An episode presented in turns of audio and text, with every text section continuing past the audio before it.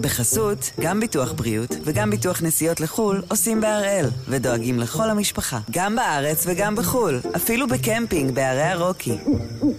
כן, גם שם, כפוף לתנאי הפוליסה וסייגיה ולהנחיות החיתום של החברה. היום יום רביעי, 11 באוגוסט, ואנחנו אחד ביום, מבית N12.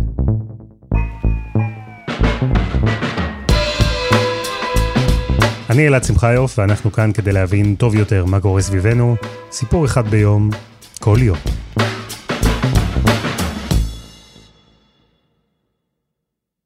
בשבועות האחרונים זה נראה כאילו מזג האוויר החליט לערוך עבורנו תצוגת תכלית. ההצפות בגרמניה,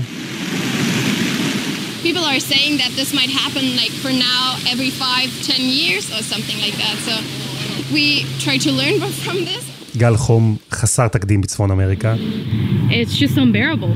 It's, it's impossible to be out. So never seen anything like this. I hope it never becomes like this ever again. It's... שריפות ענק ביוון. Look at that sheet of flames, and that has happened within minutes, and now it's coming from both sides. זה ממש כאילו ההתחממות הגלובלית אומרת לאנושות, אהלן חבר'ה, ככה זה נראה. ובזמן הזה, בזמן שבו מזג האוויר פשוט משתגע, ישבו יחד, או בזום, עשרות מדענים מרחבי העולם והכינו דוח שאמור להיות הדוח בנושא משבר האקלים. דוח שייתן תשובות חד משמעיות לכל השאלות. דוח שיאגד את כל המידע שיש כרגע בעולם. ובין המדענים האלה, גם פרופסור דני רוזנפלד, פרופסור למדעי האטמוספירה באוניברסיטה העברית, שהרגיש שהוא ממש מגשים חלום, שהוא משנה את העולם.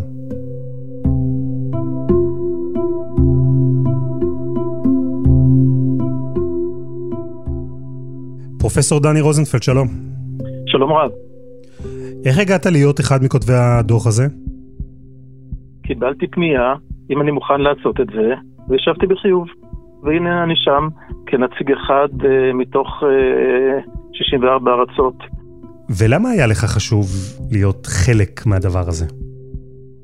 זה הדוח uh, המדעי uh, החשוב ביותר בכל תחום האקלים, שמהווה את הבסיס להבנת שינוי האקלים ולקבלת ההחלטות על ידי מקבלי ההחלטות בארצות השונות. והנה, זה ממש מימוש כל מה שאני רציתי לעשות, ואמור הייתי לעשות לטובת החברה. קח אותי לעבודה על הדוח, אתם הייתם בסך הכל 234 מדענים מ-64 מדינות שונות, שבעצם עובדים יחד כותבים את הדוח הזה. איך זה עבד? חלק מהם אני כבר הכרתי בעבר, והם היו חברים שלי, ונוספו לשם חברים חדשים. כולם היו חדורי מטרה, והמכנה המשותף היה הבעיה האקלימית והלאומיות של האנשים השונים כמעט לא הייתה רלוונטית. לא היינו אמורים לעשות שום מדע חדש, אלא אך ורק סקירה של עבודות שפורסמו עד לתאריך יעד נתון, עד לדדליין נתון, רק אותם ניתן היה לצטט, ותפקידנו היה ללמוד את העבודות האלה, לתמצת את תוכנן, אבל מאחורי זה עומד הסיכום שהוא textbook עב כרס של אה, סיכום הידע אה, המדעי בתחום. זה לקח אה, כשלוש שנים. ואתה היית בראש צוות, היית כותב המוביל על פרק חדש, פרק שלא הופיע בדוחות קודמים, והוא עסק באיך משבר האקלים גורם לשינויים במחזור המים. טוב שבאמת נתנו דגש לנושא הזה, מכיוון שבסופו של דבר, מה שמאפשר את החיים על כדור הארץ זה לא הטמפרטורות אלא המים.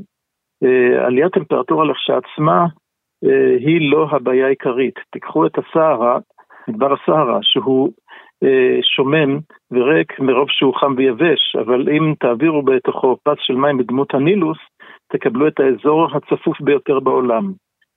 וחלק גדול מהחששות והתחזיות הקודרות קשורים למים. יותר מדי גשמים ושיטפונות במקום אחד, והרבה בצורות והתייבשות במקומות אחרים, עליית מפלס מהים בשל הפשרת הקרחונים, אלה, אלה מה, זה חלק חשוב מכל מה שהולך להתרחש. ובצוות שלכם לדוגמה, כאשר אתם מאגדים את אותם מחקרים על, על שינויי המים. יש ויכוחים, יש דיונים, מה נכנס, מה בחוץ, מה חשוב יותר, מה חשוב פחות, כך זה עובד? כן, כמובן. ישנם דיונים, בסופו של דבר אנחנו, אה, ואנחנו צריכים אה, באמת אה, לשכנע אחד את השני על, על בסיס מדעי, אין כאן דברים של אגו, כי, זה, כי אלה לא מחקרים של אף אחד מאיתנו. לפעמים גם כן, ואז אנחנו צריכים להיזהר שבעתיים.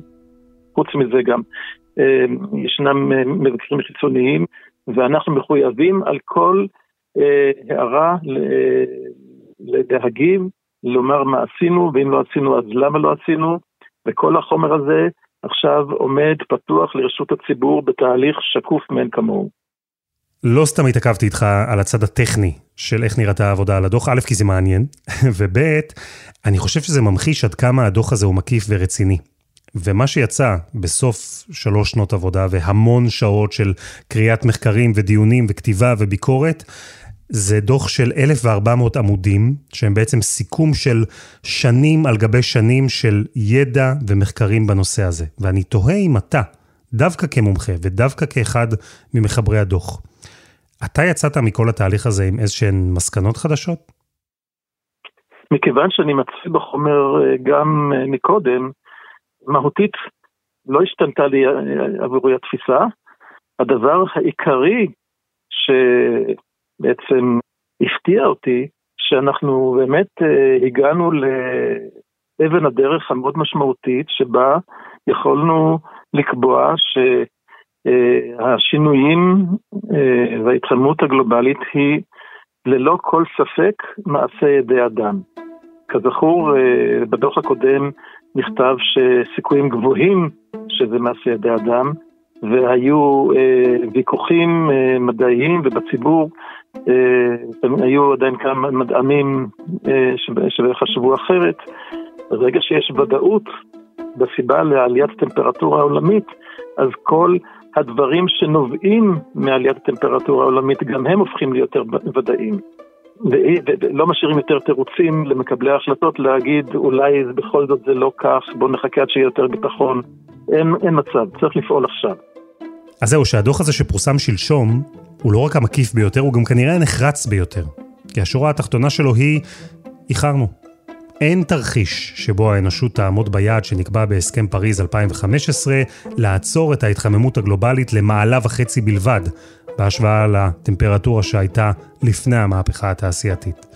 פרופסור רוזנפלד, אז מה בעצם עכשיו? כלומר, המסקנה היא שמה, מאוחר מדי לתקן את המצב? זה מאוחר מדי בשביל היעד של אה, מעלה וחצי שהוסכם עליו בוועידת פריז על ידי כל המדינות. אבל ככל שדוחים את הפעולות להקטנת כמות גזי החממה באטמוספירה, כך יהיה יותר גרוע. אה, כך שאין דבר כזה שמאוחר מדי. אה, מוטב מאוחר מאשר אף פעם לא. רק ככל שאנחנו ממתינים יותר, הנזקים גדולים יותר. אה, שמבחינה כלכלית, אם אנחנו נפעל היום, ההשקעות שאנחנו עושים היום הן על חשבון מניעת נזקים שעושים מחר לילדים שלנו ולנכדים שלנו. גם את השיקולים הכלכליים האלה צריך לקחת בחשבון. ואני רוצה לדבר איתך על ישראל. מישהו אה, ממקבלי ההחלטות דיבר איתך, פנה אליך, הביע עניין מיוחד בדוח? זה משהו שקרה? אה, סך הכל התפרסם אתמול, אבל כבר עכשיו יש גישושים ראשונים אצלי מצד אה, מקבלי ההחלטות, כן. אני לא יכול כמובן אה, לומר דברים יותר ספציפיים כרגע. ברור, אבל זו, זו תשובה מעודדת אגב, אני ציפיתי לתשובה אולי אחרת. בהחלט, זה נותן לי גרעין של אופטימיות. פרופסור דני רוזנפלד, תודה רבה. בבקשה.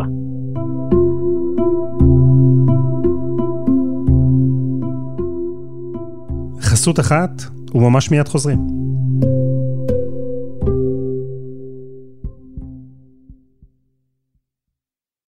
בחסות, גם ביטוח בריאות וגם ביטוח נסיעות לחו"ל עושים בהראל, ודואגים לכל המשפחה, גם בארץ וגם בחו"ל, אפילו בקמפינג בערי הרוקי. כן, גם שם, כפוף לתנאי הפוליסה וסייגיה ולהנחיות החיתום של החברה. אז אנחנו עוסקים בדוח האקלים של האו"ם, הדוח המקיף ביותר שנעשה בנושא, דוח שקובע שההתחממות הגלובלית היא מעשה ידי אדם. ושבעצם איחרנו את המועד, שב-2040 הטמפרטורה של כדור הארץ תעלה במעלה וחצי. כלומר, את היעד הזה שמנהיגי העולם רצו למנוע, כבר מאוחר מדי לשנות. ועכשיו, לפי המדענים, צריך לדאוג בדחיפות שהמצב לא יחמיר אפילו יותר. הדוח הזה עורר עדים ברחבי העולם, וגם אצלנו, מדינה קטנה במזרח התיכון, שאולי לא תורמת הרבה, יחסית, למשבר האקלים בהשוואה למדינות הגדולות, אבל השאלה היא, האם היא תורמת מספיק עבור הפתרון? ומה זה בכלל אומר, מבחינתנו, לחיים שלנו, לפתור את משבר האקלים? אז דוקטור רם פישמן יושב בדיוק על התפר הזה, חוקר קיימות וכלכלה באוניברסיטת תל אביב, ומתעסק באיך הסביבה משפיעה על הכלכלה, וגם להפך. דוקטור רם פישמן, שלום. שלום. אנחנו רואים מצבי קיצון של מזג האוויר בכל מיני מקומות בעולם, ובישראל מאוד חם, זה נכון, זה לא חדש, אבל השאלה היא אם אסונות טבע כאלה, כמו שאנחנו רואים, יכולים להגיע גם אלינו. אה, איך למשל ייראו החיים שלנו בעוד 20 שנה, 2040, אם המגמה של ההתחממות הגלובלית תימשך באותו קצב? אנחנו צריכים להיות הזויים בשביל לחשוב שכל מה שקורה בעולם מסביבנו, וכל מה שהמדע האקלים צופה שיקרה והמודלים צופים שיקרה, לחשוב שאיכשהו עלינו זה יפסח זה פשוט uh, הזוי, גם בו בזמן שהמודלים באמת מראים שכל האזור שלנו הולך באמת uh, לחטוף. אז אם אני צריך לנחש איך ייראו החיים ב-2040, הייתי אומר שיהיה לנו יותר חם, יהיו לנו אירועי חום יותר קיצוניים, זה דבר שכבר אי אפשר למנוע כרגע. זה כבר יהיה מאוד קשה להחזיר לאחורה בטווח של 2040. Um, יהיה לנו גם אירועי גשם יותר קיצוניים, גם אירועי יובש יותר קיצוניים. Um, יכול להיות שיהיה לנו חוסר יציבות פוליטי יותר קיצוני מסביבנו באזור, בקרב חברות שהן המדינות ושכנינו שהן פחות, יש להן חוסן פחות לעמוד בזעזועים הסביבתיים האלה. אז כבר נמאס להגיד כמה זה דחוף והרגע האחרון, כי אנחנו כבר אומרים את זה כבר כמה שנים, אבל זה באמת נכון. ועד כמה ישראל בכלל פקטור אה, בנושא הזה של ההתחממות הגלובלית? בסוף אנחנו נקודה קטנה על הגלובוס. יכול להיות שזה פשוט לא מאבק שיש לנו באמת יכולת להשפיע עליו כמו מדינות אחרות? אז נכון, זו שאלה שעולה הרבה, והעניין של משבר האקלים זה בעיה שהעולם לא יכול לפתור בלי שכולם יהיו חלק מהפתרון. אנחנו חייבים להגיע לאפס פליטות גזי חממה, זאת אומרת שכולם חייבים לעשות את זה. אם בוא נגיד, נכון שהאחוז של ישראל בפליטות גזי החממה הוא פחות מאחוז. משמעותית פחות מ-1%. אנחנו מדינה מאוד קטנה מבחינת הגודל שלה. אבל בואו נגיד שכל המדינות בעולם שפולטות פחות מ-1% כל אחד יגידו, אנחנו לא צריכים להיות חלק מזה, אנחנו לא משפיעות. אז אתה בעצם מאבד כבר עשרות אחוזים מהפליטות הכוללות, ואז אין שום סיכוי בעולם יהיה לפתור את זה. חוץ מזה, אתה חושב שכל מדינות העולם הגדולות יהיו בסדר עם זה, שהמדינות הקטנות, ובפרט ישראל, יגידו, אכפת לכם אם אנחנו כאילו נחליק את הקטע הזה ו... ונהיה טרמפיסטים עליכם? זה לא עובד ככה. יותר מזה, הכלכלה העולמית היא כל כך מחוברת היום, ש... שמדינה אחת לא יכולה להרשות לעצמה להמשיך את הכלכלה שלה אתמול, כאשר בכל המדינות התעשייה, החדשנות, המערכת הכלכלית עוברות לשיטה אחרת, אז הטיעון הזה שבוא ניתן לעולם לפתור את זה, ואנחנו לא באמת צריכים להתאמץ, הוא מאוד בעייתי, הוא מאוד שגוי, ואני חושב שזה גם mindset מאוד לא נכון בעידן הזה של הגלובליזציה, של עולם שיותר ויותר מקושר, יותר עובד ביחד. אז אני לגמרי לגמרי לא מקבל את הטיעון הזה. ישראל צריכה להיות חלק מהפתרון, כי ישראל היא חלק מהבעיה. נכון, במדדי הזיהום אנחנו לא מהמדינות המובילות בעולם, אבל את ההתחממות הגלובלית כבר מרגישים אצלנו טוב טוב. זה לא חייב לבוא בצורה של שיטפונות או גל חום עם אלף מעלות. את ההתחממות הגלובלית למשל מרגישים אפילו בכיס, כשהולכים לקנות פירות שגבי קוניאל מגדל במרום גולן. תספר לי רגע קודם כל ברמה האישית, כמה זמן אתה חקלאי? אה, מאז ומתמיד, אני עוד מעט בן 60. בוא נגיד מאז שאני עומד על דעתי. ומה, ומה אתה מגדל? היום אנחנו מגדלים תפוחים, אגסים, אפרסקים, שזיפים, נקטרינות, משמש, כרם יין, אה, ירקות, דובדבנים, קיבי, אה, כל גידולי השדה למיניהם, אה, מנגו, אבוקדו, ליצ'י, you name it, כמו שאומרים. ובתור מי שיש לו ארסנל כזה של גידולים, ההתחממות הגלובלית, משבר האקלים, זה משהו שאתה מרגיש? משהו שאתה רואה? תראה, זה משהו שאנחנו חווים אותו יום-יום, שעה-שעה, כי אותו דונם אפרסק או נקטרינה או תפוח או, או, או מה שלא נגיד, אוקיי, שבשנה נורמטיבית היבול שלו, בוא נגיד אפרסק, הוא חמישה טון לדונם, אז השנה בגלל ההתחוממות הגלובלית, בגלל החורף החם, בגלל הקיץ החם של שנה שעברה, היו חלקות שלא כתבנו אפילו קילו. אפילו קילו אחד של, של פרי לא כתבנו. אין ארבע עונות. ממוצע משקעים שלנו ירדו ל-800 מילימטר. הפירות זה כמו דוב, הוא חייב קור כדי להיכנס לתרדמה ולהתעורר. אבל כשאין קר, העצים לא נכנסים לתרדמה. לא נכנסים לתרדמה, הם לא מתעוררים, לא מתעוררים. אין יבול, אין יבול, המחיר עולה. וכך הלאה וכך הלאה, ואנחנו במעגל שאנחנו לא מסוגלים לצאת ממנו.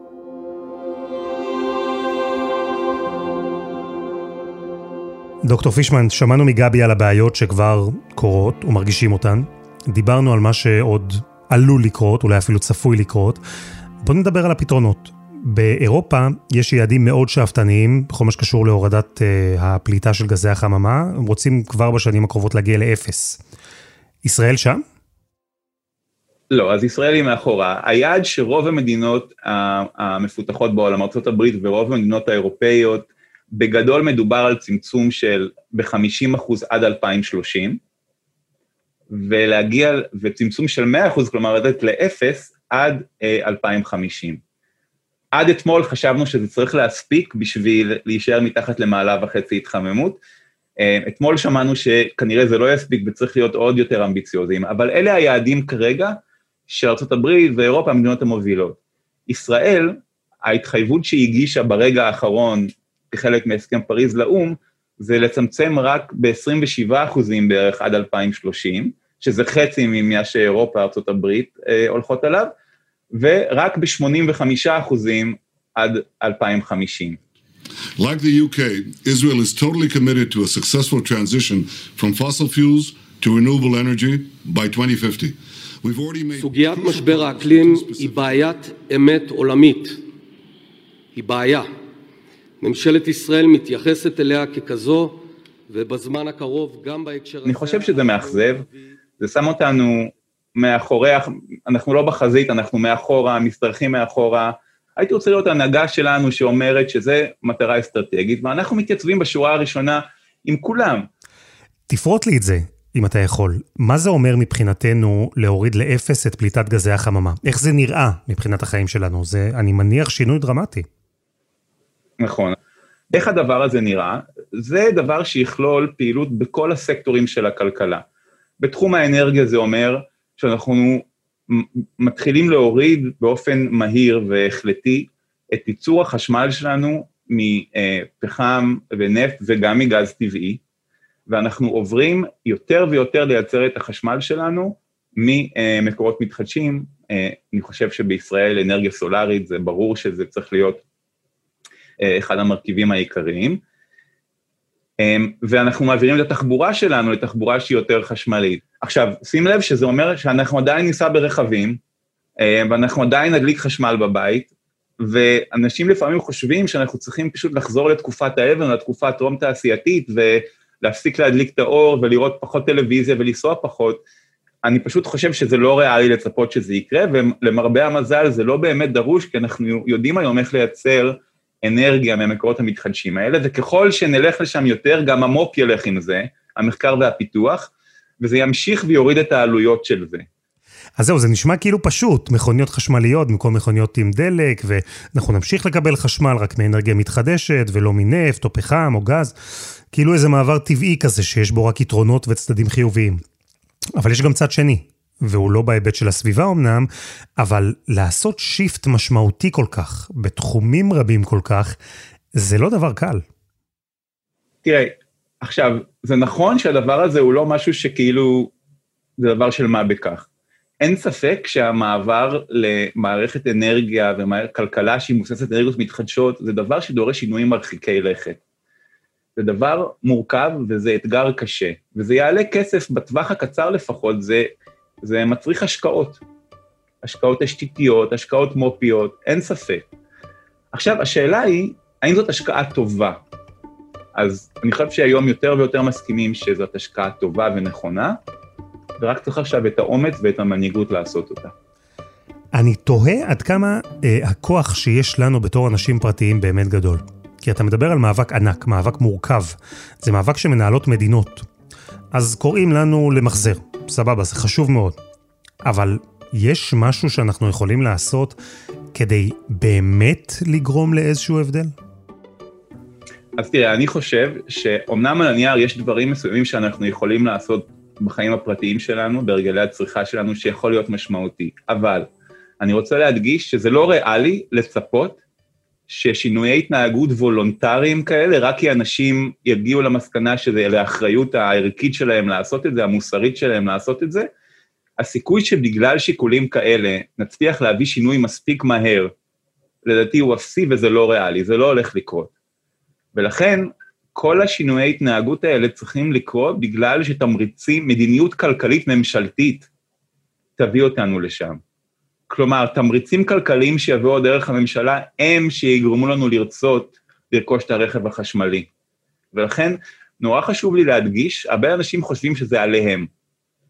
אז זה נכון, אם כולנו היינו עושים, וזה חשוב, יש מאמצים נהדרים שאנשים עושים בתחום הזה, אבל אין סיכוי שזה יפתור את הבעיה. זה חייב לקרות דרך מדיניות ממשלתית, ולכן לדעתי, הדבר מספר אחד, שכל אחד מאיתנו, שחרד לעניין הזה ואכפת לו מהעתיד שלו ושל ילדיו, צריך דרך פעילות פוליטית.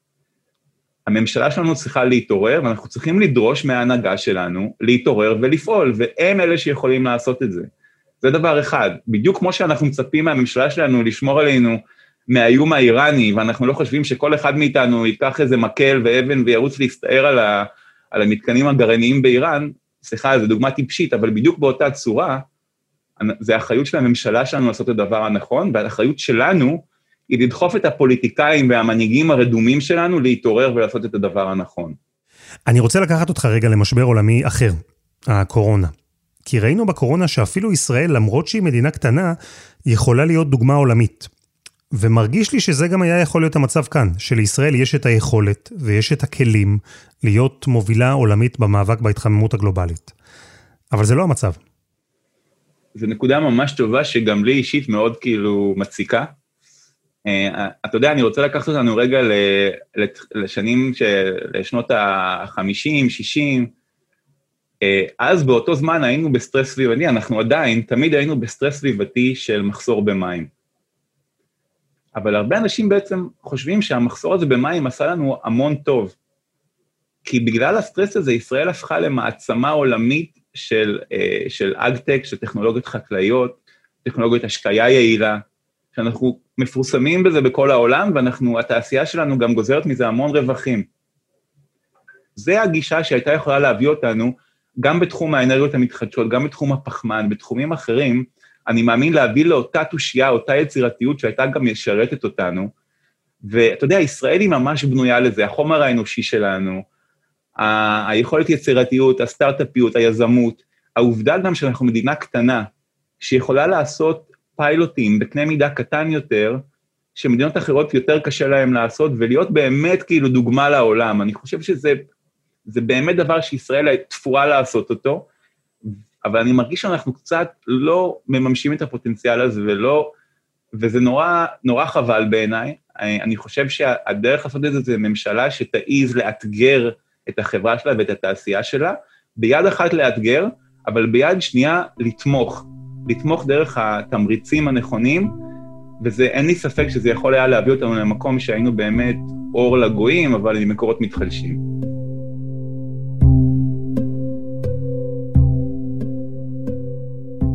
אה, דוקטור אה, רם פישמן, תודה רבה.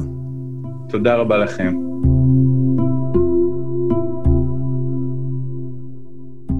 וזה היה אחד ביום, של N12. הפרק הזה, כמו כל הפרקים הקודמים שלנו, למשל הפרק שבו הסברנו מה זה בכלל התחממות גלובלית, איך נוצר משבר האקלים, אז כל הפרקים הללו זמינים ב-N12 ובכל אפליקציות הפודקאסטים. העורך שלנו הוא רום אטיק, בצוות דני נודלמן ועדי חצרוני, על הסאונד יאיר בשן, שגם יצר את מוזיקת הפתיחה שלנו, ואני אלעד שמחיוף, ואנחנו נהיה כאן שוב, גם בשבוע הבא.